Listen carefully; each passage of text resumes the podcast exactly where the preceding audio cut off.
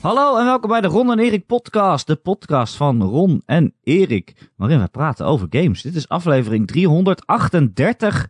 Mijn naam is Erik Nusselder, bij mij zoals altijd Ron Forstemans. Hey, hallo allemaal. Hey. Dit was de meest smooth ass opening tot nu toe. Oh, Het klappen en de overgang, alles was perfect. Ik weet dat ik dat laatste ook heb gezegd. Maar Gijs, deze moet je er weer even in doen. Want dit, deze ambacht en het feit dat wij ons niet voorbereiden en dan dit gaan, dit, perfectie. Ik denk dat er weinig eh, radiostations of podcasts zijn in de wereld die zich eh, met deze mate van chemistry kunnen meten. Erik, jammer dat, we, dat je het meteen weer ontspoort. Ja, dat is fijn, hè? Ik heb 15 dagen. 15 dagen achter elkaar gewerkt. Jee, Dit is eh, niet mijn waar. eerste avond dat ik vrij ben. niet waar. Waarom doe waar. je dat, jongen? Omdat ik gewoon heel veel opdrachten had bij RTL en Omroep Braba. En nu ben ik eindelijk a free man. En telt Dus, rondlopen ehm, in Leiden voor de Power Limited ook als eh, werk? Ja, dat heb ik wel eh, opgeschreven. Maar ik, ik, ik zal je vertellen, ik heb dat opgeschreven als werk. Alleen dat is de enige twee dagen dat ik zeg maar relatief weinig heb gedaan. Qua omroep Braba en allemaal dat soort dingen. Ja, ja. Maar verder heb ik eh, louter eh, ben ik eh, bezig geweest in, ja, in de, in- in- ja, om, om, om euro's te farmen. Nee. Bitcoins. Eh, ehm, dus het was een, ja, het was een bewogen 15 dagen, 14, Oké. 15, zoiets. Ik heb al, maar ik ben blij. Ik heb al tien dagen niet gewerkt, volgens mij. Meen je dat? Heb je echt zo lang eh, vrij? Ik heb Och, echt vrij genomen. Dat is ook wel echt knap van mezelf. Dat doe ik nou nooit. Maar ik heb vrij genomen. Dat doe ik eigenlijk ook. Ja, ik doe het wel elk jaar zeg maar met de E3. Dan weet ik van, oké, er is heel veel game nieuws. Ik wil het allemaal kijken. Het is niet dat het de hele Ja. week duurt, maar ik wil ook gewoon, weet je, dan heb, dan, meestal als ik de E3 kijk, dan krijg ik ook zin in gamen. Dus dan heb ik lekker vrij Ja. om dat ook te doen. Oh, heerlijk. dus ik heb ook heel veel, heerlijk. heel veel gegamed. Och, wat lekker. Oh, Ja, man. Geweldig. Ja, gamen is echt Ehm, cool. Games ja. zijn gaaf. Nou, dit is dus het ding waar ik heen wilde. Want ja, games zijn super cool. maar ik heb geen games. Dus ik ben een beetje last minute ben ik gaan sprokkelen. Want ik heb dus echt het gevoel dat ik geen games heb om te spelen. Ik heb Huh? geen game waar ik mezelf op wil storten. Ik heb Hè? ehm Ratchet Clank net uitgespeeld. En dan denk ik, ja, wat hebben. kan ik nog allemaal, wat kan ik nog allemaal spelen? Ehm, ik kan eh, die DLC van Gears of War 5 nog spelen. Daar ben ik heel benieuwd naar. Nou goed, dat heb ik ook al een keer gedaan. Maar ik heb daar geen zin in om oude shit opnieuw te spelen. Dus dan ben ik begonnen aan Yakuza Zero. En dat vind ik Oh. wel leuk. En eh, ben, je- weet je, dan ben je een beetje aan het dabbelen. Dus ik heb er heel veel gespeeld, maar niks klikt. En ik ben heel erg op zoek naar... Of ja, niks klikt. Het klikt misschien wel, maar ik moet er nog verder induiken. Maar ik mis een beetje... ehm, de echte... Ik, ik zit in zo'n periode dat je wilt gamen, weet je wel, maar dat je niet weet wat. Dat is Hmm. heel erg eh, waar ik nu in zit. Ik wil super graag iets gamen, maar eh, ik weet gewoon niet wat. En dat is achterlijk, want mijn, ik bedoel, laten we eerlijk zijn, mijn bibliotheek aan games is veel groter dan die van de gemiddelde gamer natuurlijk, omdat we gewoon in de industrie zitten. En ik heb, ik heb geen games. Dat Maar voelt hebt heel wel games, achterlijk. hebt nergens zin in waarschijnlijk. Nee, precies. Ja, dat is het. ehm. nou, niks klikt of zo. Het is, dat klikt. eh, Ik, ik moet me ertoe zetten. En ik heb dat ook een beetje met. eh, bijvoorbeeld, eh, er is net een nieuw seizoen. of een paar afleveringen van Loki, die serie van Marvel. Oh, zo Daar leuk. kan ik me ook niet toe zetten. Ik moet nog Castlevania afkijken. Heb ik ook nog niet gedaan. Het is allemaal zo van. Ah, ik weet het niet. Ik zweef gewoon tussen hemel en aarde in qua mediavoorkeuren op dit moment. Ehm, Meestal als ik dat heb, dan helpt het. Dan ga ik vaak een, een ander genre spelen dat ik normaal nooit speel. Want dat is dan voor mij eh, nieuw en eh, moet je je echt in verkennen. Het is iets wat je dan nog niet echt goed kent. Dus volgens mij ben ik zo toen een keer eh, Sekiro gaan spelen of zo. En eh, nou ja, MLB, gewoon even honkballen. Dat je denkt, oké, ik weet nog niet, ik weet nog helemaal niet hoe dit moet. Of wat, Nou, dat is wat het grappig. inhoudt.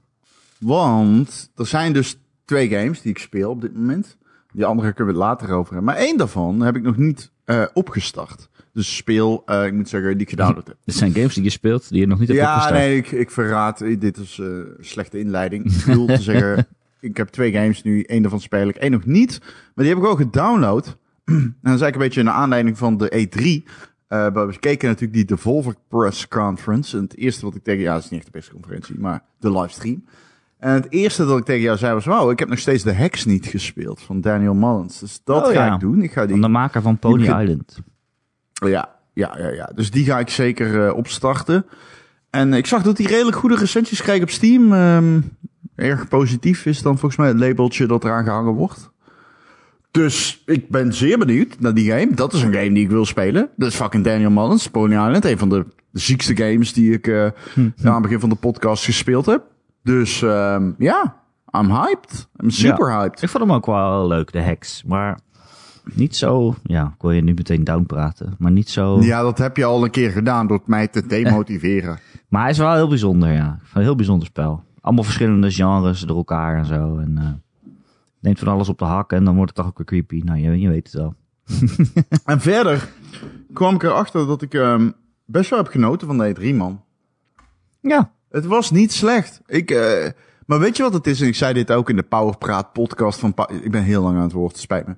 Maar ik zei dat ook in de Powerpraat podcast van, eh, van de PU, waar ik in zit. eh, om iedere twee weken. Ik zei ook van...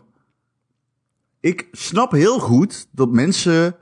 En die hebben een wat jonger publiek dan wij. Maar ik snap heel goed dat mensen naar de E3 gaan voor gewoon weggeblazen te worden. Het is megaton shit, toch?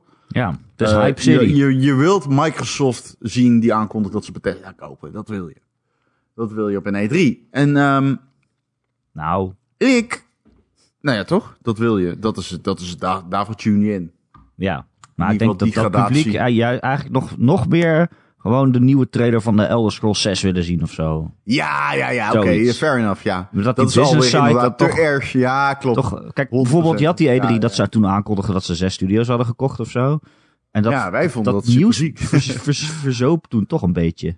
Want iedereen had het over de klopt. games en games en games. En wij zeiden zo, yo, ze hebben zes studio's gekocht. Dat echt Ja, ja, ja. En we zeiden ook, ze hebben godverdomme gewoon eh, wat voor studio's ook, weet je wel. Dus, ja. Ehm, en, ja, nee, absoluut. Daar heb je gelijk in. Dat is al meer bekeken vanuit de gamejournalist bril. Daar heb je 100% gelijk in. Oké, inderdaad. Elder Scrolls 6. Maar, wat ik ook wilde zei daar, was wij, zeg maar jij en ik. En ehm, gewoon, misschien vooral jij en ik. Dat weet ik. Ik kan niet voor andere media spreken. Maar wij roepen wel best al lang van, verwacht er niet te veel van. Want eh, corona en het wordt gewoon een hele doorsnee E3. En als je er zo in ging, dan heb je echt wel wat verrassingen gehad. Ik vond die Metroid 5 Dread fantastisch. ja. We hebben bij mooi. Nintendo hebben we een Advance Wars remake gehad. Ik weet niet dat jij riep, ik stond te pissen Ja. tijdens die persco. En Erik roept, Ron, Ron, Advance Wars. Maar ik mijn headset nog op. Omdat, ja, ik hou hè? extreem Afknijpen. van die serie natuurlijk. Ja, ja, ja. Moet wel zeggen, de stijl, I don't know. Wat is dat? Dat gladde, I don't like it. ja, het lijkt wel ik een wil soort... gewoon die eh, oude... Ik wil die oude stijl. Een iPhone remake of zo lijkt het wel. Ja, ik wil die oude stijl. Ik wil niet dit. Dit is niet. Maar goed, het is Advance Wars. Dus eh, die, fuck man. Dat is een, een van de eerste games waar ik echt vol op gestort ben als kind. En eh, ja. Ehm, dus dat is een magisch moment. Eh, Breath of the Wild 2 zag er grandioos vet uit. Voor wat we gezien Wauw, hebben. dat zag er zo goed uit. Ja, maar wat we hebben gezien zag er grandioos vet uit. Eh, ik vond dat echt heel indrukwekkend. Ik moet ook zeggen, Battlefield 2042 zag er fantastisch vet uit. Zag er echt heel tof uit. Ehm, Microsoft heeft mij echt weggeblazen. Ik heb echt... Ik denk dat er heel veel mensen zijn die de persconferentie van Microsoft hebben gekeken en echt dachten... Oké, ja, ik wil nu een Xbox. Want er komen zoveel games uit en... eh, En alles staat op Jezus. Game Pass. ja, mijn top twee games van vorig jaar. Zeg maar in retrospect zijn Yakuza, Like a Dragon en Hades. En Ori. Laten we de top drie maken, Ori. Mhm. En die drie games die staan, allemaal op Game Pass. eh, in augustus. Ja. Want Hades komt in augustus en eh, Like a Dragon staat er al op. Dus weet je, het, is een, eh, het, was het, eh, het was de E3 van Microsoft. En als ik er zo op terugblik, is het waarschijnlijk de beste Microsoft-conferentie eh, van, van de E3, denk ik. Ehm, Ooit. Alleen de eerste was ook goed. Natuurlijk, die was vooral grappig. Hm. En ik misschien wel een van de betere die ik heb gezien op de E3 ook. Gewoon in zijn algemeenheid. Dus, what's there not to like? Het enige is, als jij ook Take-Two, ook Gearbox, ook scotch en zo hebt gekeken, dan ga je natuurlijk iets zuurder dat gesprek aan dan ik waarschijnlijk. Ja. Nou, het enige wat ik met Microsoft had, ik vond het een hele goede persco. En volgens mij na een half uur zei ik ook tegen jou van, oh, ik ben nu wel tevreden eigenlijk. Het moeten nog een uur. Toen kwamen nog een uur aan heel veel vette games. Maar ik had niet zo'n, ik had niet echt zo'n megaton moment dat ik echt was weggeblazen. Zo van, wow, dit had ik nooit verwacht. Weet je wel, dus als jij zegt is gewoon van, naar Game Pass. Vond je dat niet megaton? nee, maar dat, ja, dat is een game die ik al gespeeld heb. Het boeit me niet zoveel op wat voor platforms die uitkomen. Ja, oké, persoonlijk, ja. Persoonlijk, ja. Voor mij is dat een van de beste games in jaren. En die komt dan opeens naar Game Pass. Ja, Ja. Dat, ja. Maar je hebt hem wel ja voor mij is dat toch, wel huge. nou ja, met bijna 200 uur denk ik wel hem aardig aantik. ja. Maar ja, toch, het is toch wel een groot moment. Ja, ik snap, ik, ik snap jouw punt. Dus ik denk dan toch meer aan met- Sony 2015, weet je wel. Dat, ze ineens een, dat Final Fantasy 7 toch ineens terugkomt. En dat ze hebben Horizon en ze hebben, ze- nou ja, allemaal van dat soort dingen. Ja, The Last Guardian. The Last Guardian is ineens weer terug. Iedereen dacht dat die gecanceld was. En dan komt die, eh, die, die, die, eh, die kat, beer, hond, vliegtuig, Vleerhond. vleer, muishond. Komt die Ja, nee, dat, dat snap ik. Eh, ja, dat is voor mij persoonlijk meer allemaal dingen die ik niet verwacht had, die er dan ineens zijn. En dat je denkt, wow, holy shit. En dit was Ik gewoon, wat Microsoft deed, was misschien kwalitatief dan beter inderdaad. Ik gewoon meer, beter gewoon, 2015. gewoon meer. Meer goed. Ik vond hem beter dan Sony 2015. Ja, het waren ook wel En heel dat erg komt Erik games. natuurlijk ook... Wat zei? Het waren ook wel heel erg Erik games natuurlijk. Ja, ja, zeker. Al heb ik ook genoten van die games achteraf. Allemaal. Alleen, ehm, wat ik daaraan toe moet voegen, is dat ik wel heel erg... Kijk, ik zei dat van tevoren al van... We zien Starfield, we zien Halo en al het andere is mooi meegenomen. En ik denk... eh, ik, ik vond Halo Infinite Multiplayer fantastisch uitzien. Echt superleuk, zag het eruit. Eh, zag er, het is een fanservice game, dat is wel heel duidelijk. Maar goed, dat maakt niet uit. Want wie boeit Halo nog, behalve mensen die ermee opgegroeid zijn? Ehm, en ik, ik, achteraf, als ik kijk naar zeg maar wat Halo, of pardon, wat Microsoft nog niet, wat, zeg maar, wat ze zeg maar niet hebben aangekondigd en wat nog komt, dan hebben we het wel echt over grote games. We hebben het over Machine Head met Wolfenstein 3 en Indiana Jones. We hebben het over nog wat onaangekondigde games van studio's die we, eh, bijvoorbeeld, eh, hoe heet ze, ze, ze, heten Black Tusks. Nu maken ze volgens mij die ehm, ehm, games, die Gears of War games, die komen ook nog met een Unreal Engine game, een Unreal Engine 5 game. Die komen ook met een ander project. Eh, en dan heb je nog de, de, de usual suspects. Dan heb je nog Fable. Dan heb je nog ehm Ja, eh, Motorsport Avowed en, 8. eh, Avowed, Everwild. inderdaad. En Everwild. En ik denk dat we daarmee een quality output gaan krijgen. Inderdaad, daar hebben we het al eens over gehad. Dat je gewoon echt een quality output hebt van één AAA van Microsoft. Daar aimen ze ook op. En dat is wel echt... Dat hebben we niet echt meegemaakt eerder bij consolefabrikanten. Dat ze dat beloven of willen. En ik ben heel benieuwd wat Sony gaat doen, behalve investeren in hetgene waar ze heel erg goed in zijn, namelijk het maken van weergeloze fucking goede games. ja. Ehm, dat, dat, dat wordt interessant. Het is nu echt wel heel erg interessant. Want ja, we zijn niet gewend dat Microsoft opeens... Ze, ze maken geen stappen, ze maken sprongen nu. En Ja. Dat argument dat, Dat- dat je altijd hoort van, ja, maar de Xbox heeft geen games. Kijk, als je naar de Xbox One terugkijkt, dan heeft hij inderdaad niet heel veel must-have eh, exclusives gehad. Maar dat Ja. argument, dat begint nu toch wel een beetje te vervallen. Dat begint nu af te als je kijkt naar de Xbox 1, die had bijvoorbeeld heel veel exclusives. Hmm. Dus het is een beetje zo van... Ik snap het. Microsoft heeft zeker foute beslissingen gemaakt. Maar al die beslissingen... Oké, als ik het heel lelijk zou zeggen... waren in het tijdperk dan Metric. En daar Ja. heeft Xbox heel, heel erg lang onder geleden. En ehm, je ziet gewoon dat ze zowel in het... ehm, ik- je ziet gewoon de verbeteringen. Zie je in communicatie richting de pers, richting het publiek. Maar ook gewoon dat ze echt iets hebben om te laten zien. En dat gaat, eh, dat gaat wel, ehm, dat gaat zoveel opleveren. Ik moet wel zeggen, ik kan me heel goed voorstellen dat mensen die vaste podcast luisteren, horen mij dit al zo lang zeggen. Die horen mij dit al een jaar zeggen. En die denken misschien, ja Ron, hey, de guy, eh, ik heb gewoon een Playstation, net als iedereen. Why should I care? En de reden is ook een beetje omdat ik denk dat jij gaat hier wel om keren. Er, er, er gaan zoveel redenen komen voor jou om een Xbox te kopen. En ik heb echt nog altijd de mening dat de exclusives, PlayStation, zeg maar. Alleen, ik denk wel dat dat gaat veranderen, deze, deze generatie. En ehm, ik, denk, ik, ik, ik denk heel veel mensen die dan naar mij luisteren of naar jou of dan denken en dan denken van ja, het, eh, dit gaat nergens over. Ik wacht gewoon op God of War en Halo kan maar manus roesten. Dat die daar wel op terug gaan komen als dadelijk bijvoorbeeld blijkt op Psychonauts 2 of Avowed of Fable hele goede games zijn. Want die Xbox is bijvoorbeeld ook grafisch krachtiger. Die teraflops bijvoorbeeld, dat scheelt. en dat gaan we ook merken. En dat zijn allemaal van die dingen die ik denk die best wel een rol gaan spelen. En dat ik denk dat mensen dat nog niet echt helemaal inzien of onderschatten. Er gaat, een, eh, er gaat geen shift komen, maar Xbox gaat echt weer meedoen. Veel meer dan Ja. bijvoorbeeld Nintendo meedoet. En dat is echt een ding. Ja, want nu voorheen kon ik eigenlijk in niet, Nederland. eh, Sorry, vertel. Pardon. voorheen kon ik eigenlijk niet bedenken waarom je een, een Xbox One zou kiezen boven een PlayStation 4, zeg maar. Dat kon ik echt niet bedenken. PlayStation had veel betere exclusives, dus als ik er één aan moest raden aan iemand, dan was het de PS4. En dat Xbox was, is een goed, was een goed ding en eh, leuk voor de bijen, ook voor mij. En af en toe Halo was schieten en eh, ding? Forza eh, rijden. Dat Was af en toe wel leuk. ding? Maar ik zou Was de iedereen Xbox toen- One een goed ding, Erik? Ja, ik vond het wel een leuk apparaat, ja.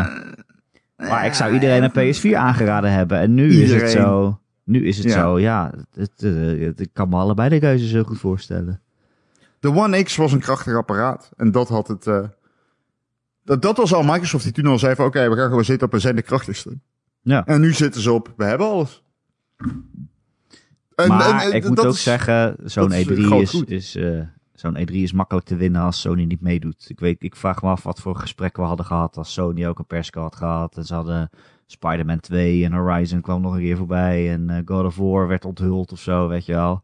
Dan heb je toch een ander gesprek volgens mij. Nou ja, je hebt een gesprek over bestaande exclusives... die al exclusive zijn. Ja, En dat is min of meer mijn punt. het, het is, op dit moment is het heel erg van, eh staan Ron en Erik al op Game Pass? Nee, nog niet. Maar de kans bestaat dat we morgen op Game Pass staan, want Microsoft koopt alles. Als je nog niet gekocht bent Hm. Voor Microsoft, 1 wie weet, word je eh, morgen wel gekocht. En ja. dat, is, eh, dat is wel eng natuurlijk. wat ik net zei over En- PlayStation meende ik niet, hè, Phil Spencer. en dat is ook iets wat ik zei ook, dat is een gestolen take van Jeff Grubb, maar die zei ook van, ehm, kijk, op dit moment komt er heel veel inflatie aan.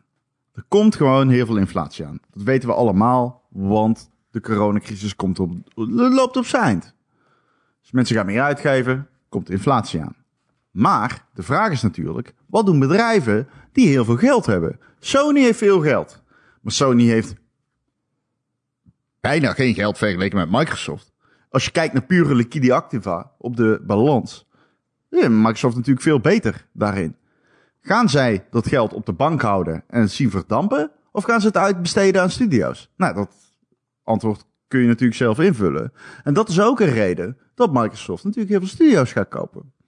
Dit is wat ik hoorde en dit is wat ik geloof. Ik denk ook echt, als de geruchten waar zijn. Ik heb zelf, luister, ik heb zelf gehoord IO. Ik heb het een keer gezegd in de podcast. Toen Ja, wist ik de het niet maker zeker. van eh, Hitman.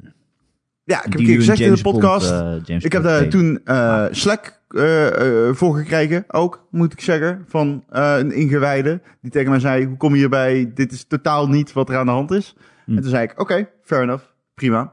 Eh, en toen hoorde ik het weer. En toen zag ik in de Amerikaanse media terugkeren dat het dus wel gaat gebeuren. En dat was twee weken geleden volgens mij. Ja. En eh, ik heb inmiddels wel echt dat. dat ik, wat, wat ik begrijp, is dat er gesprekken zijn en dat er afronding plaatsvindt. Ja. Dus, maar dat is, dat is alleen IO. En dat weet ik alleen via mensen die eraan verwant zijn. En die er niet bovenop het vuur zitten. Dus dat zou compleet de andere kant op kunnen gaan morgen. Eh, dat is de reden dat ik dit soort dingen niet tweet. En alleen hier zeg. Want, laten we eerlijk zijn. Ik ben er niet zeker genoeg over. Maar het is wel leuk En bovendien, weet je, eh, het, het feit dat er gesprekken zijn en zelfs afrondende gesprekken betekent, het kan altijd nog afketsen. Het betekent niet dat het doorgaat.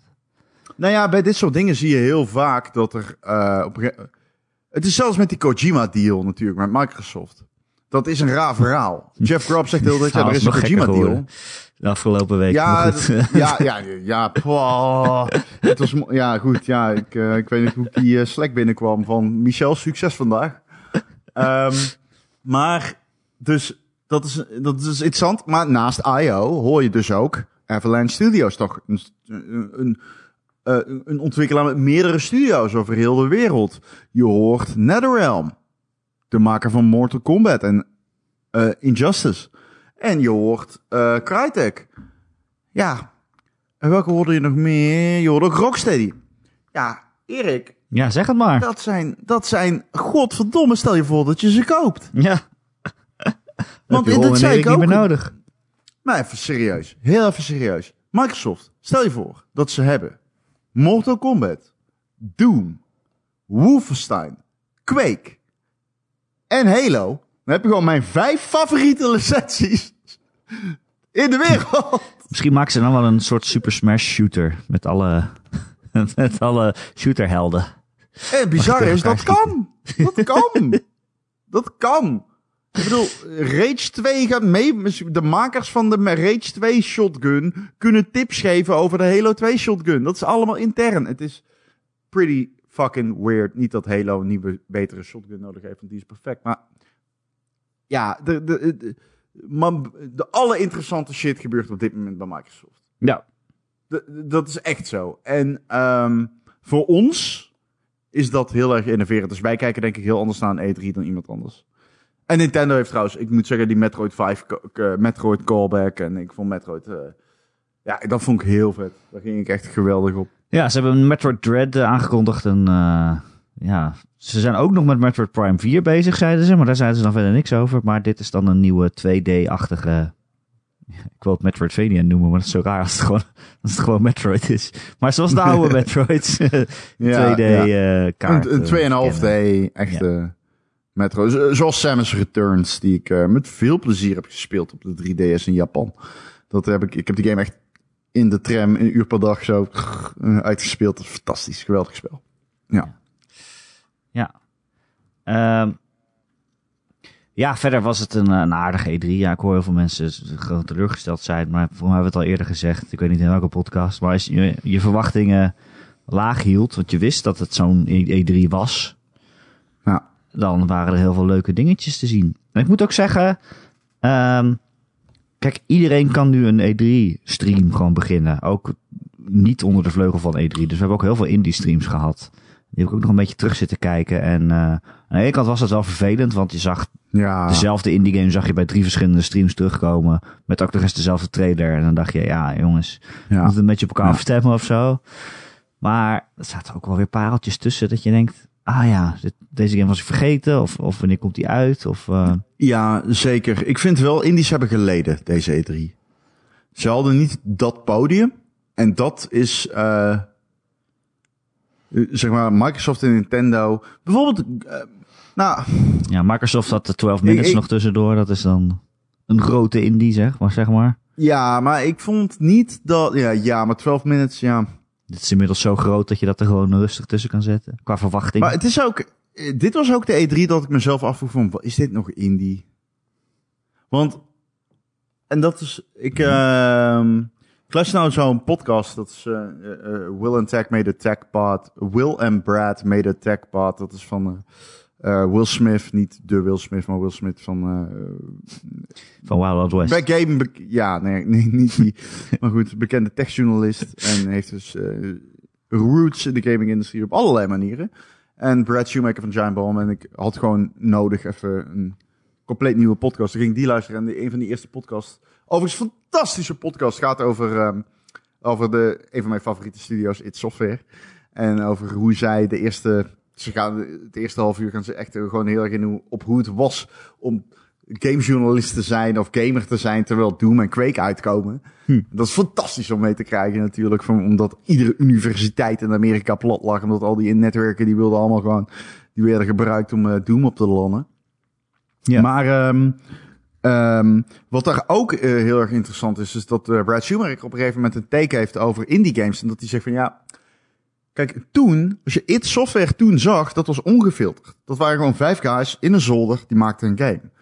En dat heb je nu nog wel bij indie games. Maar ook bij indie games wordt het steeds minder. Het, het is wel echt zo dat je inderdaad zo'n zo'n Devolver, ja, je kan dat nog een indie game uitgeven uh, noemen. Maar uiteindelijk gaat het ook over meerdere PR-schijven en overleggen over hoe we dat wel en niet kunnen insteken, et cetera, et cetera. En, maar ook het maken van de game, denk je? Of gaat het niet zo voor? Nee, nee, nee, dat denk ik niet. Maar ik denk wel dat in marketing en PR en je uitingen en hoe kunnen we deze trailer glad strijken en wat, wat kunnen we wel doen, wat kunnen we niet doen. Hè, moeten we dit zinnetje uit de pressrelease halen? Dat is toch een beetje weer eh, aan het, uh, ook daar weg aan het gaan. Ook in die onbekendere regionen van indie games heb je nu een bepaalde, bepaalde rastering. Er zitten een, een, dingen worden gefilterd, dingen worden eruit gehaald, dingen worden misschien ah, ja, toegevoegd. Maar je krijgt ook meer kansen. Kijk, bijvoorbeeld, we hebben het over 12 minutes en dat is een game volgens mij door één iemand gemaakt. Of uh, gewoon door één iemand ontworpen en bedacht en zo. Mm, um, ja. Maar op een gegeven moment wordt die opgepikt door Annapurna als uitgever. En die helpen dan met, met de cast vinden, weet je wel. En ineens heb je drie Hollywoodsterren mhm. als, uh, als casting ja. in die game. En Annapurna zit goed in de Hollywoodsterren. Dat is zeker waar. Maar Annapurna, die, geeft daar, uh, die, investeert daarin, neem ik aan. En die geeft geld zodat je Hollywoodsterren kan inhuren. Maar het is nog steeds één guy die die game maakt in principe. Uh, ja, maar je snapt wat ik bedoel met dat het grenzeloze, roekeloze daarmee wel weg is? Ja, je kan niet uh, Hollywoodsterren alles maar laten voorlezen. Nee, nee, nee. Dus het is. Maar It Software was belachelijk. Dat was belachelijk. Ja. Die sloegen gaten in de muur tijdens deathmatches. En een dag later gooiden ze opeens uit het niks hun game online. Hm. En dat is wel. Ja, weet je, uiteindelijk is dat de spirit waar we allemaal van houden, natuurlijk. Hè? Zowel als gamer als journalist. Want dat is puur, dat is waarvoor je. Dat, daar haal je de quotes, et cetera, et cetera. En dat gedeelte heb je nog steeds. Maar hoe indie is indie nog? Dat is wel een reële vraag, denk ik. En ik vond deze E3 wel heel erg dat ik dacht, inderdaad, bij zo'n 12 minutes van, oké, ja. Het is eigenlijk wel indie natuurlijk, omdat het door één iemand gemaakt is. Maar het is niet meer in de Het is niet meer. Het heeft niet het puriteinse wat je verwacht van een, bijvoorbeeld een, sommige indie bandjes. Het is wat je, is een beetje, wat je van het woord onafhankelijk precies uh, verwacht. Want hij, die man die 12 minutes maakt, is natuurlijk afhankelijk van zijn uitgever die hem geld geeft om die game af te maken en nog mooier te maken dan het al was. Maar had het natuurlijk ook niet kunnen doen. Dan gewoon die game afmaken zoals hij mee bezig was. Uh, want hij is er al jaren mee bezig en heeft het ook op allerlei beurzen laten zien. Ja joh, die game bestaat al sinds 2016. Ik weet dat die in de Jury Week zat van 2017 op de E3. Dus ja, ja. Hadden ze ook zo af kunnen maken, weet je wel. Maar ja, er komt zo'n uitgever bij, maar die zegt, hier, eh, ja, we zien wat in jouw project. En eh, wat nou als we er een zak geld tegenaan gooien en de Daisy Ridley uit Star Wars erin zetten. ja. ja, moet je dat nee zeggen? Nee, natuurlijk niet. Maar dan word je wel afhankelijker, want iemand heeft jou geld gegeven. En die verwacht er ook wat voor terug. Ja. En niet dat je een drol aflevert, natuurlijk. Nee, nee, fair enough. Ja. Maar ja, kijk, compleet onafhankelijk bestaat nog steeds een site zoals Itch.io en zo. En, uh, ja. Maar dat nee, het is ook niet weg. Dat zeg ik ook nadrukkelijk van sommige uitgevers hebben, eh, sommige indies hebben dat zeker nog steeds. Maar dan ga je zo. Maar deze E3 heb je die indies niet echt veel gezien. Nee, maar dan ga je ook zo voor de onafhankelijke kant op. Dat spelen wij ook niet eens, weet je wel. Nee, nee. Nee. Terwijl ik dat wel vaak wel graag zou willen, maar... Ja, precies. Dat is het. Dat is het eigenlijk, hè. Want daar zitten de pareltjes. Toen wij Pony Island speelden, dat, dat, dat was... Er waren nul recensies van die game. Dat was gewoon een game die pluk, plukte ik gewoon uit de release lijst op Steam. is dat zo? Ja, dat is zo. Vet ja. cool. Ja. Ja, of toen ik uh, uh, uh, Emily is Away speelde, die gasten, die game was gratis en die had gewoon een soort doneerknop in zijn game gedaan om er nog geld mee te verdienen. Weet je wel? Ja. ja maar ja, dan moet je inderdaad op iets... Share, man itch.io uh, kijken. Daar staan heel veel van dat soort games. Ja, ik heb een uh, bundel gekocht met iets van 8000 miljard games. Oh ja, voor uh, Palestina Reef, neem ik aan, toch? Ja, ik weet niet of het Palestina... Ik weet niet meer wat... volgens mij was het BLM. Oh, dat is langer geleden ja. Ja. Ja, dan krijg je heel veel games. En ik heb er echt heel veel geld voor betaald, want ik mocht doneren. Ja. Volgens mij. En volgens mij was het standaard 7 euro. Ja, maar dat is wat ja, dat je je echt schuldig, toch? Ja, ik ga heel eerlijk zijn, het was niet de bedoeling om zoveel geld te betalen. Maar ik had dat wel gedaan. maar het ging ook naar een goed doel. Dus, uh... Ja, dat is zo. Er zijn enige uh, foutjes om te maken. Absoluut. En ik uh, bedoel, ik zeg dit om transparant te zijn. Ik had natuurlijk ook gewoon kunnen zeggen, ik heb er zoveel euro voor betaald. Dus, Kijk hoeveel geef ik, ik geef aan Black Lives Matters. Nee, dat is ook weer niet zo. Ik bedoel, eh, ik heb eh, een foutje gemaakt bij het overmaken van bedrag. Het was, eh, Oeps. zat in de 3 nullen, laten we daar gebouwen. Oh, damn. ja. Maar het is nog steeds geen euro per game. ja, het zat meer richting de 4 dan de 3. Dus, eh, Oeh. Ja. Dat was een pijnlijk. Ik zag inderdaad afschieten. Dat ik, ja, ik ga, ik ga dit niet terug eisen. Nee, Natuurlijk. Ja. Dat, zo slecht voel ik me dan eh, dagen. Dat wil ik niet. Maar heel erg lekker is het ook niet, zeg maar. Donaties zijn wel aftrekbaar, toch? Eh, nou, dat is niet eh, gebeurd. Ik Oh. heb niet afgetrokken.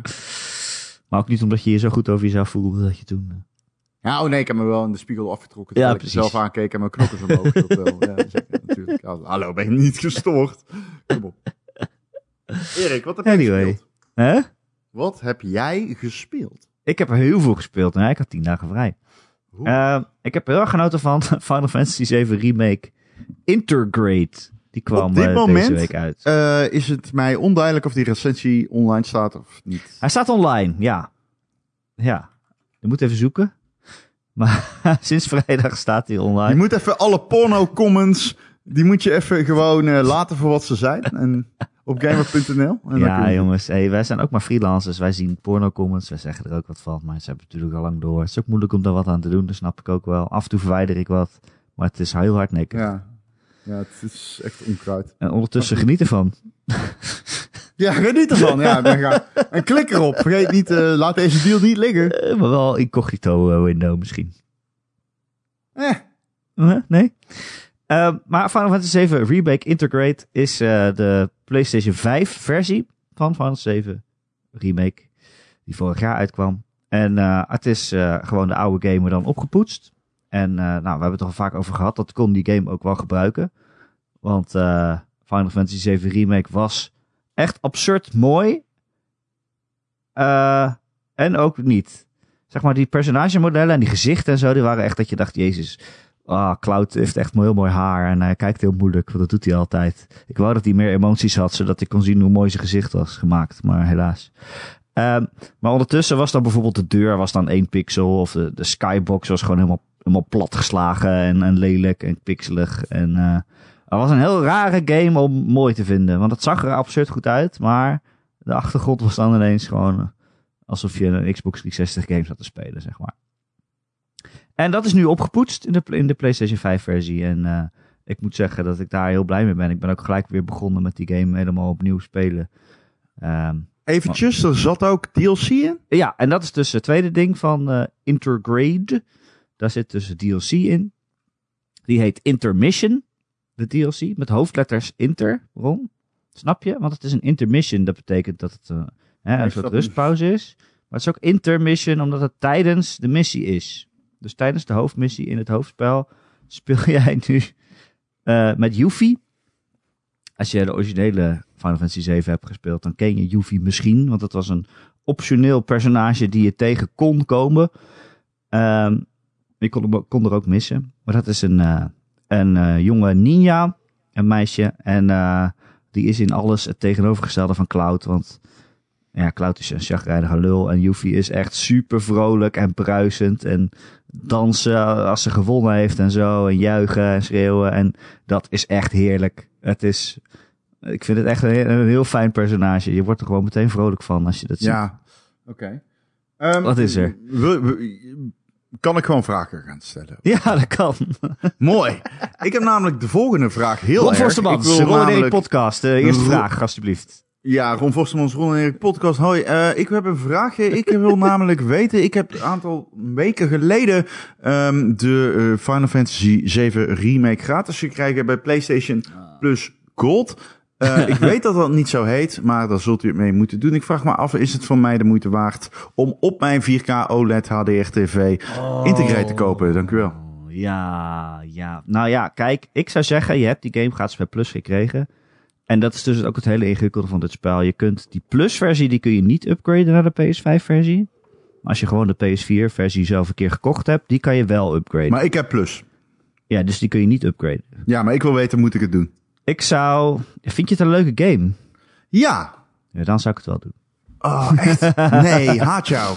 Ja, 80 euro, ik, Erik. Ik ken 80. jou. Ja, dat is wel echt kut. Het is wel echt... 80 is echt veel, man. Ik loop er wel echt tegenaan, man. Ik vind die nieuwe prijzen echt niet Ja, chill. dat zei ik toch? ja, dat zei ik laatst ook echt al. te veel. Het is echt, echt te veel. Het is echt te duur. Echt heel, het is echt duur. De, de, het kruipt echt te veel richting de 100. Maar ik vind het ook in dit geval ook echt te duur. Dat heb ik ook echt in de review als minpunt ge- gezegd. Want eh, het is natuurlijk een game van een jaar oud waar je een DLC'tje bij doet. En die is dan duurder dan het origineel, weet je wel. Ik had het logischer gevonden als deze dan ook 60 euro was. Eh, maar dat is dan niet zo. Ja, hij is wel op- opgepoetst. Maar ja, heel veel games die brengen gratis een next-gen patch uit, weet je wel. Dus dan moet je het ook Ja. een beetje mee vergelijken. Ja, Eh, en dan is dit wel een beetje zuur voor zo'n DLC van 5 uur. Die wel heel leuk is. Maar om daar dan 80 euro voor te betalen. maar ligt dat aan mij? Is dat... eh, Oké, als je dit luistert, laat even in op gamer.nl of in de Discord, maakt me niet uit. Maar laat even, laat even serieus weten, is 80 euro te veel? Want eh, voor mij voelt die 10 euro cruciaal. Nou, het is eh, ook... eh, kijk, wij zeggen altijd vroeger was het 60 euro. Maar eigenlijk was het 70 hè. In de, ja, ja, in de ja, Sony shop en de Xbox shop en zo. Maar ehm, dan was het in de winkel 60. Als je hem fysiek kocht. En nu is het 80 in de, in de PlayStation Store. En zeg maar fysiek in de winkel 75 vaak. Dus het scheelt eigenlijk 15 euro. Ja, ik, ik, ik heb precies dat. En ik vind het, het concurreert ook minder met elkaar, voor mijn gevoel. Ik heb het gevoel dat shops allemaal rond die prijs zitten. Ja, Ehm, 75 euro is het. gewoon. Ja, en, dat- en dat is, dat, het voelt te duur. Het voelt gewoon te duur. Ik, ik, En- Zelfs ik, ik geef relatief geen kut om 4000 geld. euro uit aan het goede doel. ik ben echt iemand, er zijn weinig mensen zo makkelijk met geld als ik. En zelfs ik heb echt zoiets ja, fuck off. Dat vind ik gewoon te veel. Returnal was 80. Ja. Dat vond ik echt, echt, echt dat ik dacht, nou, dat, dat I don't know. Ja, Dat het is wel een gewoon- goed spel waar je heel veel uren aan bezig bent. Dus Ja, 80 vind ik te duur. ja. Ja, ik weet niet. Misschien En zit het in mijn gebeurt ook, brein. eh, maar... in het, eh, dat heb ik dus ook al een keer gezegd toen Returnal uitkwam, zei ik dat ook. Het gebeurt precies in het tijdperk waarin we zo van Game Pass genieten en waarin zo AAA-games gewoon in één keer opstaan, zoals Outri- Outriders en zo. Die er gewoon in één keer op staan. eh, dat je, dat je, het vergelijken wordt ook zo moeilijk. Ik weet niet of ik het toen heb gezegd, maar ik zeg het nu. Dat is een heel goed punt. Ja, in mijn hoofd worden games goedkoper, maar in het echt worden ze duurder. Ja. Ja. Ja, cru. En, en het, het cru eraan is natuurlijk ook dat je nog steeds een game koopt die een remake is. Inderdaad, wat jij zegt. Die al vorig jaar is uitgekomen. En dan Ja, koop je een precies. upgrade voor 80. Ja, dat is natuurlijk... Die vorig jaar is uitgekomen. Het 80 voelt voor iemand die hem vorig jaar niet gespeeld heeft, voelt het gewoon weird. Ook Ja. omdat hij in PlayStation Gold eh, Plus, Ja, whatever. dat, dat is het verneukeratieve. Games dat hij dat Plus. in eh, PS Plus zat. Verneukeratieve, ja. Dat is een mooi woord. Eh, Dat, dat die in PS Plus zat, dat maakt het noodloos ingewikkeld, want die versie kun je niet upgraden. Ehm, waardoor je ook de, de DLC niet kan spelen, volgens mij. Nee. Maar de, als je gewoon een PS4-versie hebt gekocht een jaar geleden, dan kun je die, is, dat, is die upgrade wel gratis. Dan heb je wel Integrate gratis. Maar ja, dan moet je wel die DLC er nog bij kopen. Maar dat is dan maar 20 euro of zo. Dat is Mhm. natuurlijk prima. Heb je verder nog iets gespeeld? Ehm, ja, ik ben eh, Griftlands aan het spelen. Wow. Hele leuke game. Hoe kom je eraan? Is die al uit? Ja, ja, ja, ja. ja. Oh, die ga ik ook Eh, al een week of anderhalf. Hmm, hij eh, hij kwam eerst op. Switch, of eerst op de PC uit en daarna ook op eh, Switch en op, alle- op alles volgens mij. Oh, die ga ik meteen vertellen. Eh, eh, eh, zet hem op je verlanglijstje. Ehm het is een Ja. game van Klei. Die eigenlijk elke game die ze maken weer een nieuw genre proberen volgens mij. En in dit geval doen ze de Card Battler. Dus eh, ja, een soort roguelike eh, kaartspel, deckbuilding game. Beetje zoals uh, Slay the Spire, zeg maar. En ehm, ja, het, het pakt al het leuke van Slay the Spire en het stopt hem in een game met een verhaal. Ehm, je kan drie verschillende campagnes spelen. En ja, je speelt dan een personage in, met een dorpje. En dan ja, kan je ook keuzes maken tussen de, tussen de kaarten, wedstrijden door, zeg maar. Dus het is een soort willekeurig gegenereerde quest. Ja, het, het hoofdverhaallijn is wel altijd hetzelfde, maar er komt allemaal optionele questjes eh, tegen. En ehm, alles wat je doet heeft ook enigszins effect. Want eh, nou ja, als je bijvoorbeeld eh, een gevecht tegen iemand wint, dan kun je ervoor kiezen om hem dood te maken. Maar als je hem doodmaakt, dan heeft hij bijvoorbeeld ook vrienden in de wereld. En die worden dan boos op jou. En als iemand boos op jou is, dan krijg je allemaal negatieve effecten in je volgende Mm. gevechten. Ehm, als je hem, eh, maar als je hem eh, gewoon, eh, als hij zich overgeeft en je maakt hem niet dood, je laat hem weglopen, dan heeft hij niet meteen een hekel aan jou, maar dan vindt hij je wel gewoon stom, omdat je tegen je gevo- gevochten heeft. Dus dan heb je alsnog wel een vijand, maar is het wel misschien minder erg. Maar ja, kan je misschien weer laten tegenkomen, moet je er weer tegen vechten. Hm. Eh, dat soort- zit vol met dat soort keuzes van, oké, wat ga ik doen? Ga ik iemand doodmaken of niet? Ga ik iemand helpen? Eh, vaak ke- keuzes tussen twee verschillende facties. Zoals de eerste campaign er zit bijvoorbeeld een soort politie eh, in, maar, maar ook, eh, Politie? nou ja, ja, hoe noem je dat? De wachters, zeg maar, van de stad. Ehm, maar er zit ook een soort eh, eh, dievengilde in. Nou ja, als je de een helpt, dan wordt de, de ander boos op je. Dat lijkt me logisch. Huh. En verder is het gewoon ja, een heel best wel goed ontworpen Slay the Spire. eh ja, clone zou ik niet willen zeggen, maar ja, je begint met een basisdeck van aanvallen. Elke keer als je een eh, gevecht wint, dan krijg je een nieuwe kaart bij. En eh, je kan ook nieuwe kaarten kopen en vinden en zo. Dus eh, dan moet je een, een effectief deck maken. En dat is, het is echt wel leuk gedaan. De recensies van die game zijn lyrisch. Mensen zijn dol enthousiast. En mensen zeggen ook echt van, ja, het de mechanics zijn fantastisch. De story is superleuk. Artstyle is superleuk. En de, de game schijnt ook redelijk grappig te zijn. Ja, het is heel leuk geschreven. Eh, en dat is ook best wel knap als het zo willekeurig gegenereerd is. Dat die, dat die quests eh, zo op een willekeurige manier aan elkaar geplakt worden. Maar het Hmm. is best wel eh, leuk geschreven. Ik denk niet dat het zo'n game is, zo'n roguelike die je 100 uur speelt, weet je wel. Want op een gegeven moment heb je het Geen verhaaltje... Hades. Nee, maar op een gegeven moment heb je het verhaaltje uitgespeeld. En dan kan je hem wel steeds moeilijker zetten. Maar dan... Waar ben je? Heb je hem uitgespeeld? eh, ik heb één van de drie eh, campaigns uitgespeeld. ah, oké, ja. ja. En dan kan je hem wel steeds moeilijker gaan weer opnieuw spelen. hoe lang is een run? Ja, sorry, ik blijf je gewoon onderbreken. Hoe lang is een run? Ja, een uurtje of zo. Ja, hangt er een beetje vanaf. Kijk, de eerste keer dat je het speelt, ga je al die, al, al die teksten zitten lezen, al die gesprekken. En de tweede keer beginnen ze met hetzelfde gesprek. En dan denk je, oh, dat weet ik al, nu sla ik het over. Dus, dus het gaat steeds sneller. Maar eh, ja, een uurtje zou ik zeggen. Ah, het is echt een heerlijke game. Als je van roguelike card battles dingen houdt, en er zijn er heel veel van, ik weet het. het, is een, het is een hype of zo. Maar dit is wel echt een hele goeie. Dit is wel echt een hele Ja. goeie. Ja. Oké. zeggen.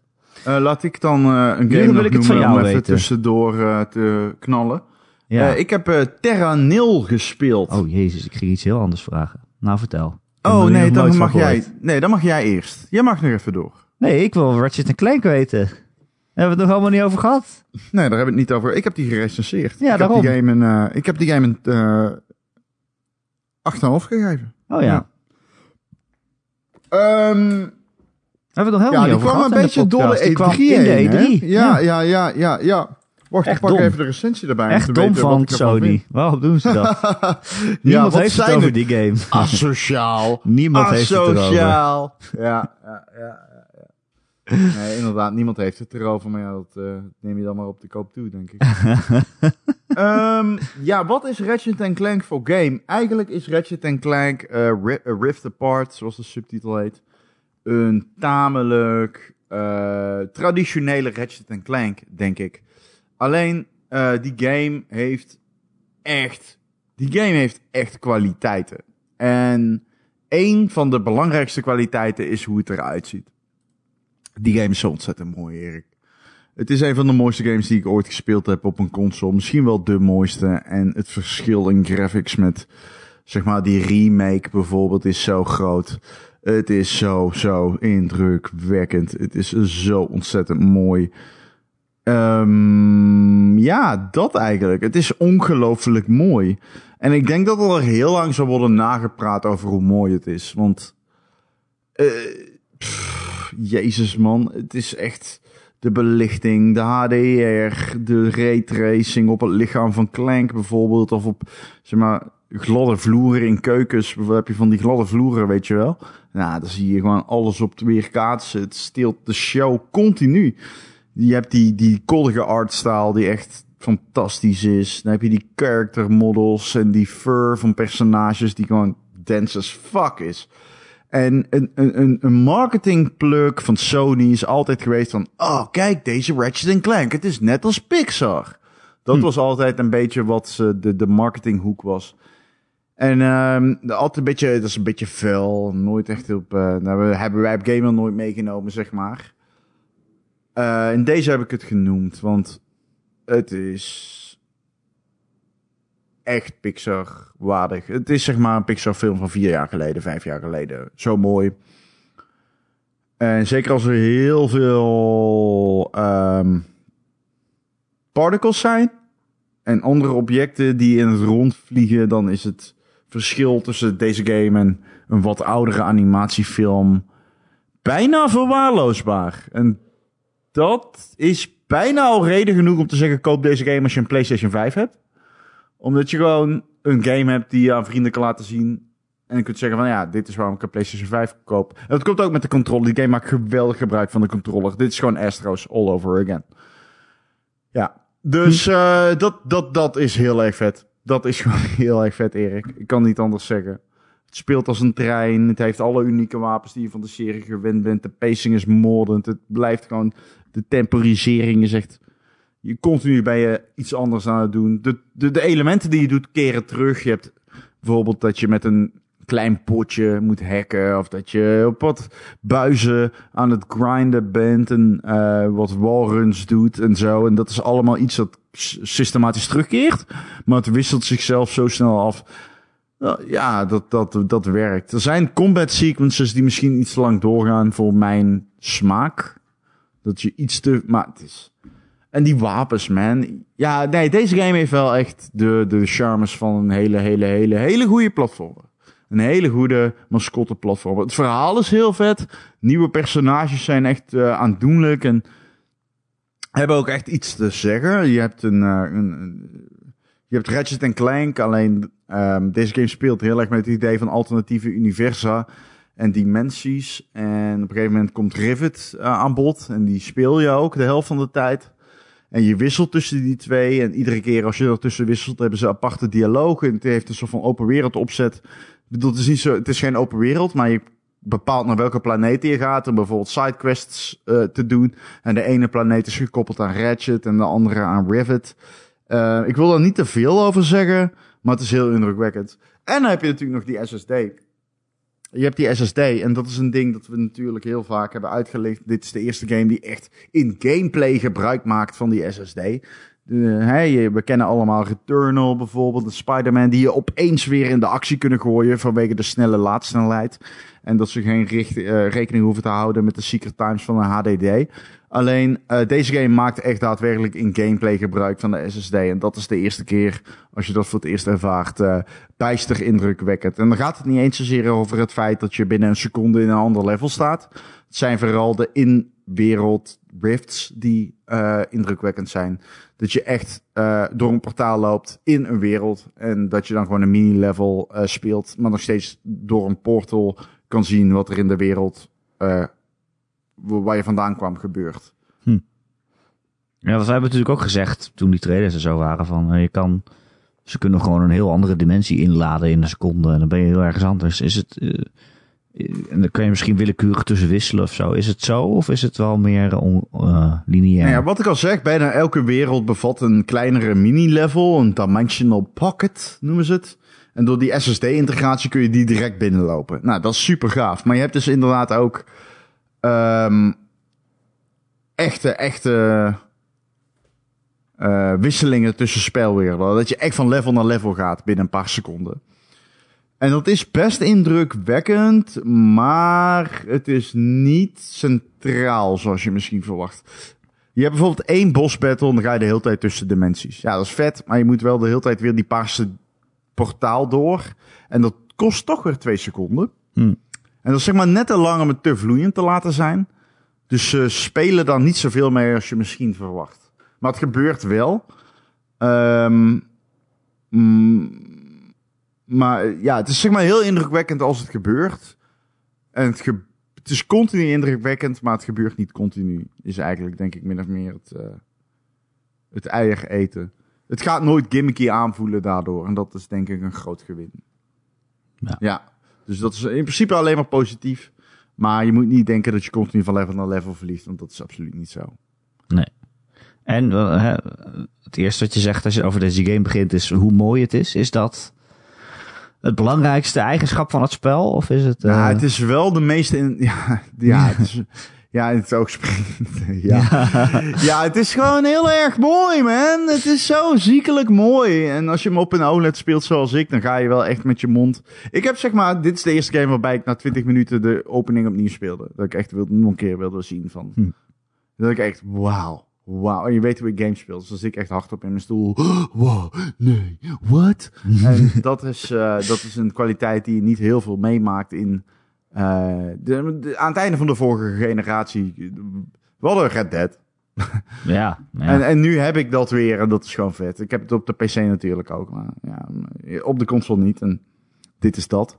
Eh, wapens, fucking gruwelijk. Weet je natuurlijk van de serie. Alleen je kunt echt als een necro, necromancer je eigen, pardon, necromancer kun je je eigen armies oproepen met be- bepaalde...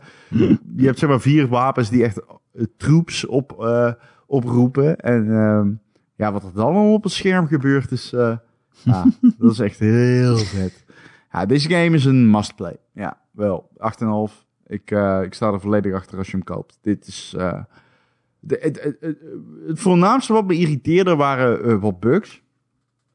Ehm, en dat als je een langere segmenten van knokken speelt, dan denk je, oké, dat is net too much of zo. De combat redt zich wel, maar ik heb geen zin om een half uur lang te knokken in deze game. Dat is gewoon niet de power van die game. Het, is, het moet voelen als een achtbare rit, toch? Het is gewoon Call of Duty, alleen dan platforming. Dat, dat is wat het moet zijn, volgens mij. En jij geeft nooit halve cijfers, dus eh, Klopt, dat is ook iets wat ik tegen jou zei, volgens mij. daarom weet een, ik het. 9, een 9 was echt te hoog en eh, een 8 vond ik te laag. Ja, En ik heb het bij deze game gedaan. Nee, ik heb bij Red Dead gedaan. Dus, eh, ja. Ja, ja. Oké, nu wil ik weten wat Terra Nil is. Terra Nil is nou? een... eh, ja, Hoe Terra, het zo? ja, Terra Nil is een... eh, eh, Oké, dus een- dat is een andere game. Helemaal anders. Ik wist dus niet wat ik moest spelen. En eh, toen zag ik dat de makers van Gorn... Dat is een VR-titel waarin je vecht tegen... In een arena tegen gladiatoren. Ehm oh, Ja. Jezus, ik krijg opeens een eh, appje. Sorry. En de Broforce hebben die gemaakt. Oh, Proforce is leuk. Ja, maar deze game is compleet al. Zeg maar, dat is echt gewoon een complete 180. Eh, dit is een city builder. Alleen je bouwt geen urban stad met grote kernreactoren. En je legt geen wegen aan. Nee, je wordt losgelaten op een dor landschap. Gewoon compleet grijs. En jij mag het eh, groen maken. Dus wat je doet is je eh, bouwt eh, windmo- windpropellers. Je bouwt inner eh, reactoren die draaien op water. En je legt meren aan. En het is heel zen. Het is heel... ehm, het is het tegenovergestelde van de pressure die je voelt tijdens SimCity. Het is juist heel erg... Oh, waar kan ik het zo groen mogelijk maken? En gedijt mijn water het meest onder de planten? Mhm. En hoe kan ik ervoor zorgen dat mijn. ehm, want je kan bijvoorbeeld graven. Je kan graven, je kan een, een, een object eh, neerzetten en dat graaft een groef. En dan kun je mooi ervoor zorgen dat die groef direct over een, eh, een rivier kruist, waardoor de rivier zich verlegt. Het is heel zen. Het is heel mooi. Het is heel tranquilo. Het heeft compleet niets van doen met een eh, SimCity. Het is eigenlijk het tegenovergestelde daarvan. Jij herstelt een natuur die gestorven is. Ehm, en dat is echt leuk om te doen. Ik, eh, ik moet wel zeggen, ik heb alleen de demo gespeeld. Dat is ook het enige dat je op dit moment van die game nog kan spelen. De eh, release is niet bekend. Het is to, TBA, to be announced. Ehm, maar ik heb me er zo mee vermaakt. En het wordt gemaakt door de mensen van Broforce Free Lives. Uitgegeven door Devolver trouwens. Ehm, maar ja, ik, ik heb heel veel zin om me hierop te storten. Ik denk dat dit weer zo'n... eh, ja, een beetje een rondgame of zo. Toch wel, denk ik. Een rondgame. Ja, het is lekker zen. Rondgame. Rondgame. Over demo's gesproken, Ron. Ja, shoot it. Ehm, afgelopen week eh, tijdens de E3 was, eh, had Xbox ook een soort eh, demo-festival. Met allemaal, eh, volgens mij van 40 games eh, die tijdens de E3 in allerlei indie-streams getoond waren. Ook eh demotjes. Daar heb ik dan nog maar even gebruik van gemaakt om eh, wel heel wat dingen te downloaden en van alles een beetje te proeven. Waaronder de demo van Tunic. No. Die game ken je wel, denk ik. Oh, Dat is, eh, nee. Is er een demo van Tunic? eh, ja, Eh, deze demos vanavond waren een week, doen. eh, waren een week eh, beschikbaar. Dus volgens mij, als je deze podcast op maandag luistert, dan staan ze er nog net op. Maar daarna gaan ze er ook weer af.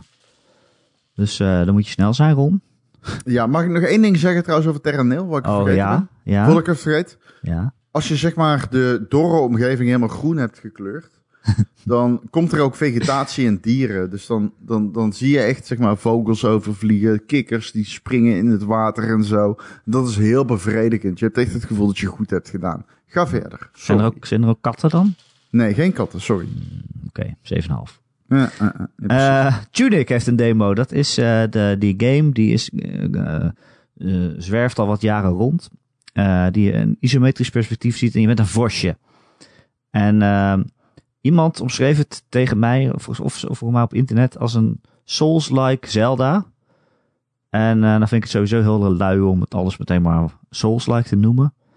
Maar eh, en ik dacht ook, ja, het is een schattig vosje, dat zal toch niet zo moeilijk zijn. Maar het is echt het best een moeilijke game, man. Eh, het is inderdaad een, een, een, een, Zelda-achtige game waarin je kerkers verkent.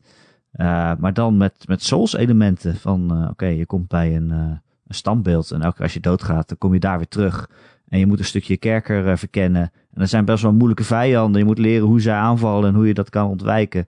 Je vindt stel- zelf steeds eh, sterkere wapens. En eh, ja, ga je gangbaar en je gaat tien keer dood. Ik keer steeds weer bij het standbeeld terug. En steeds weer opnieuw proberen.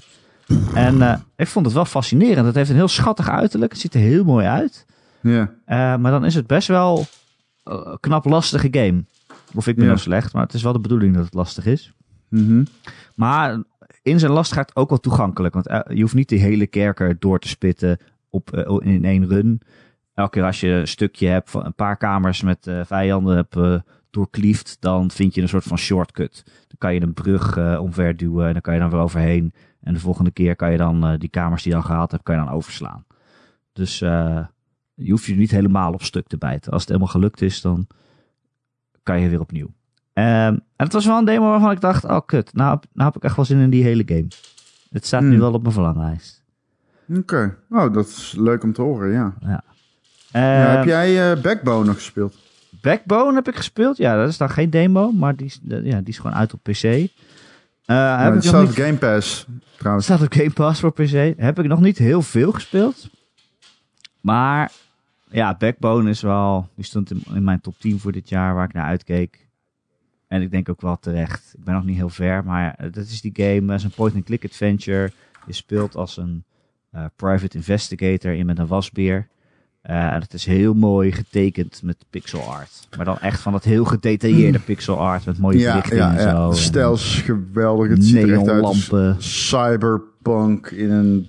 de- ja, nee, het is Nou, het is, niet echt, het is niet echt cyberpunk. Nee, het het, is- is niet, Het is het meer geen tech. die, eh, detec- detective het is meer jaren noir. 60 eh, noir. Ja. Het is de tech, ja, ja, ja, ja, ja. Ik, cyberpunk, daarbij denk ik aan neon. Dat Ja, is meer precies. zeg maar, het beeld dat ik wil schetsen. Maar ze hadden ook gewoon neonborden Ehm, in de jaren 60.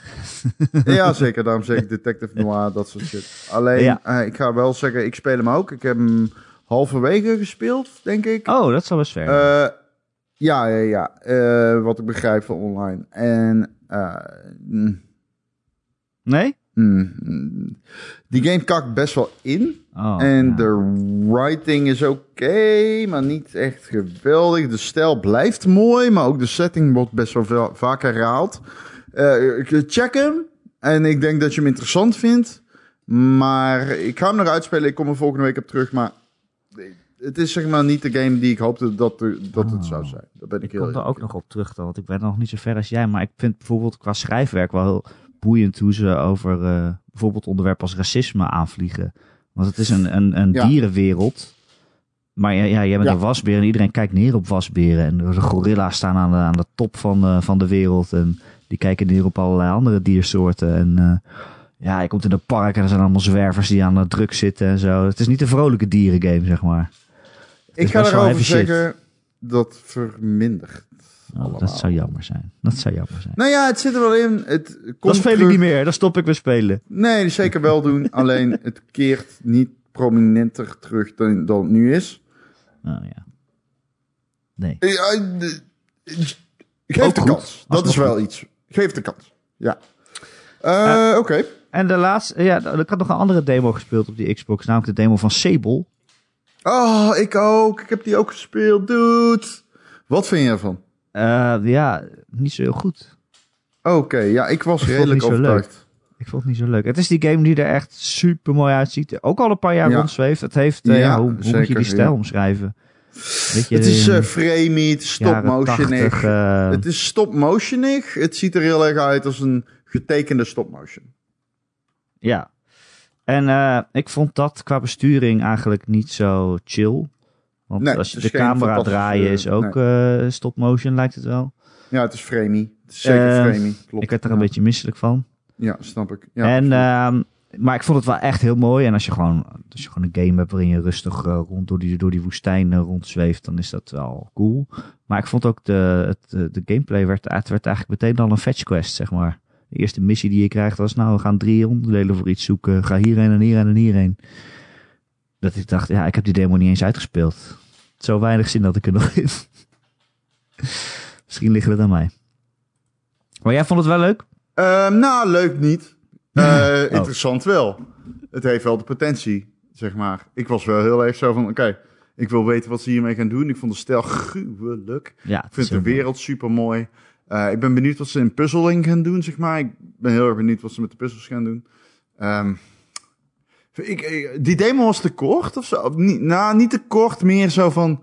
Ik krijg nog steeds geen goed beeld van wat ik in deze game ga doen. Ehm, op de lange termijn, als het dit is, snap ik de teleurstelling wel. Maar je kan bijvoorbeeld ook klimmen in die game. En waar gaan we heen? En hoe gaan we die wereld verkennen? Dat zijn wel de grote vraagstukken. Ja. En ehm, ja, ik, deze game heeft potentie tot op zekere hoogte. Ik snap jouw kritiek heel goed. De- de- dit is geen eh, game die zichzelf verkoopt, denk ik. Of zo. Ik denk dat je best wel van de stijl moet houden. Maar ja, ik was wel. eh, dit is een, wel een van die demo's waarvan ik dacht, nou, oké, nou, dan, dit, dit, dit is wel qua gameplay en qua stijl een game die mij ligt, laat ik het zo zeggen. En verder speel ik Zelda. Dat moest van jou. Ja, dat moest voor mij. Ehm, waar ben je? Ehm, bij, eh, hier, hoe heet die, dat dorpje ook alweer? Hm. Kikero of zo. Kikero, vind je het leuk? Want je vond het niet leuk. Vind je het niet leuk? Is het, Oh nee, nee, nooit beginnen met... eh, eh, dit- nee, nee, dit is mijn nee, derde nee. poging om eh, Nee, Zelda oké. Breath of the nou, goed, dit was de spelen. Game.nl podcast, Ron en Erik podcast, whatever the fuck. Ehm Kijk, het probleem met die game week zijn is... we er eh, weer. We gaan het dan hebben over Zelda Breath of the Wild. Hopelijk geïndoctrineerd. iemand in de... mensen zeggen dat altijd tegen mij en dit keer ook. Weet je wat mensen ook altijd Discord, zeggen? De Ron en Erik podcast. die zei... Ja, Erik, je moet in deze game gewoon je verwondering achterna gaan. En het enige wat ik denk als, als iemand dat tegen mij zegt is... Oké, waar is dat dan? Weet je wat er ook altijd Waar is? De Ron dan? en Erik podcast van Ron en Erik. En die kunt ons volgen op alle bekende platformen waar je podcast luisteren kunt. Vergeet dan vooral niet om een recensie achter te laten.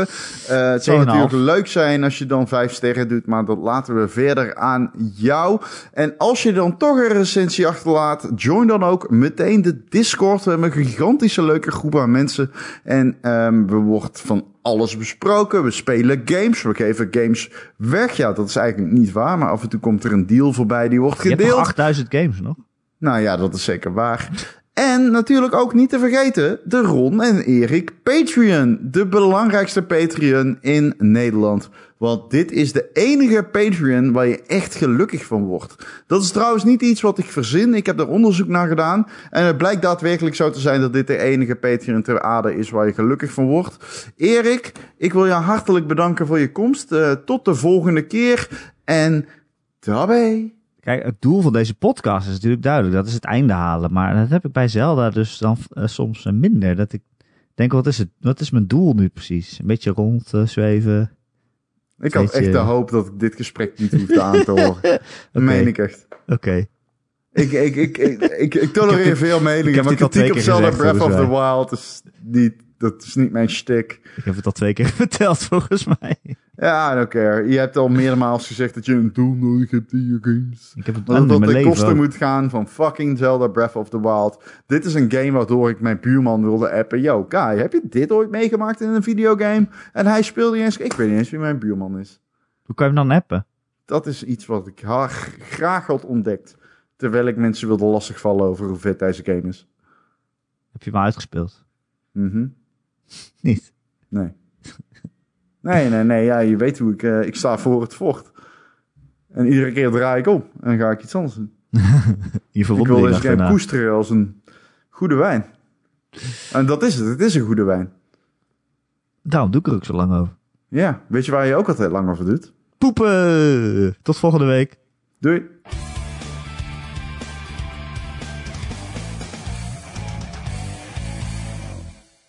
Ron? Hallo? Ben Ron kwijt. Ron? Erik? Oh, ja? Waar was je dan? Hallo? Waar was je? Erik? Ja? Oh? Yo!